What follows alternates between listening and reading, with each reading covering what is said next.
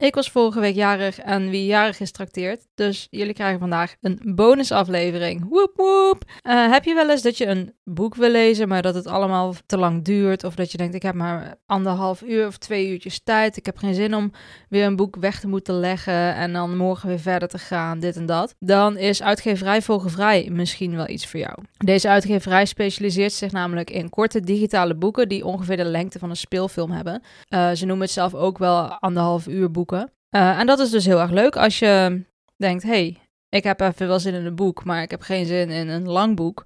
Zijn dit hele leuke korte boeken? Op de webshop van uitgeverij Vogelvrij is eigenlijk ondertussen wel elk genre aanwezig.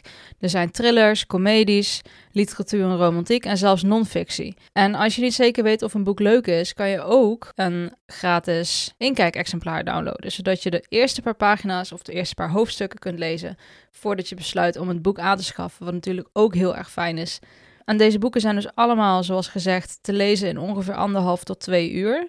Dus voor een korte aandachtspannen is het zeker interessant. Ik denk ook dat dit een mooie instap is voor mensen die nog moeten wennen aan lezen of nog. Uh, ja, die, die niet zo heel vaak lezen, maar toch het wel weer een keer op willen pakken. Dat deze korte boeken een fijne manier zijn om niet gelijk met een hele dikke pil aan te komen, maar gewoon lekker een kort verhaal. De boeken zijn 4 euro per stuk. Tenminste, de meeste boeken die ik heb bekeken op de website.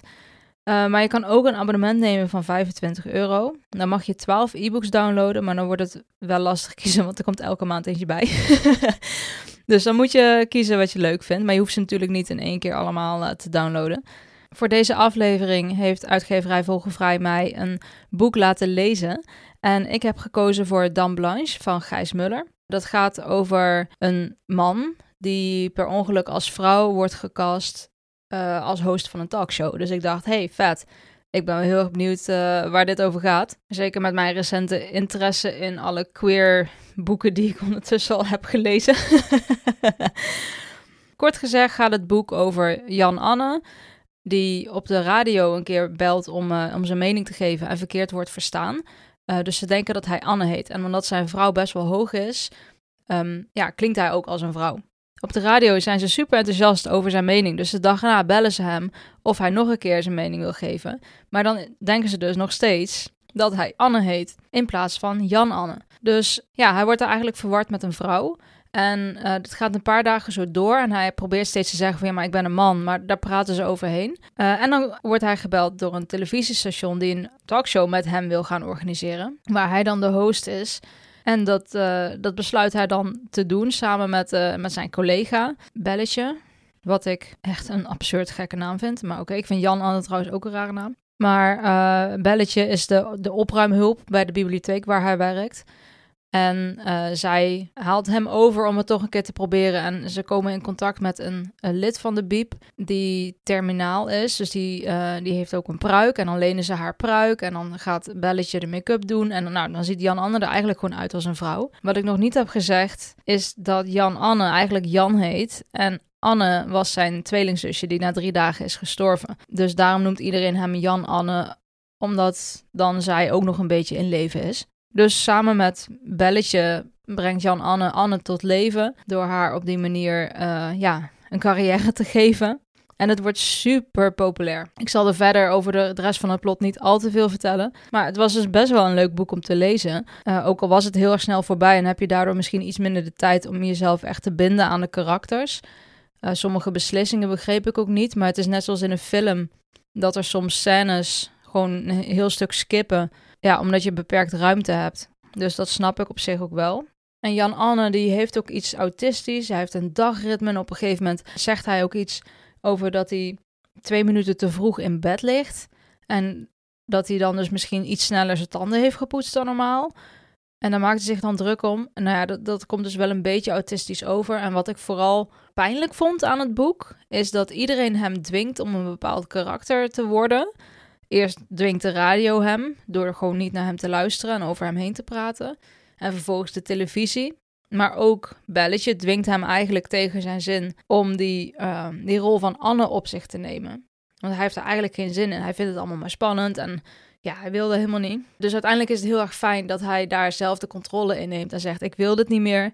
We moeten Anne tot een einde brengen, zodat we dit gewoon kunnen afronden en zodat ik weer gewoon Jan kan zijn of Jan Anne. Want ja, uiteindelijk heeft de roem van Anne ook effect op zijn werk bij de bibliotheek en dat wil hij niet, want dat is wat hij het allerliefste doet. Het boek gaat dus eigenlijk gewoon over, over een toevallige samenloop van omstandigheden, uh, een vergissing, een verkeerd verstaan, iets uh, wat uiteindelijk door een beetje dwang ja, leidt tot iets heel erg groots wat per ongeluk is gebeurd.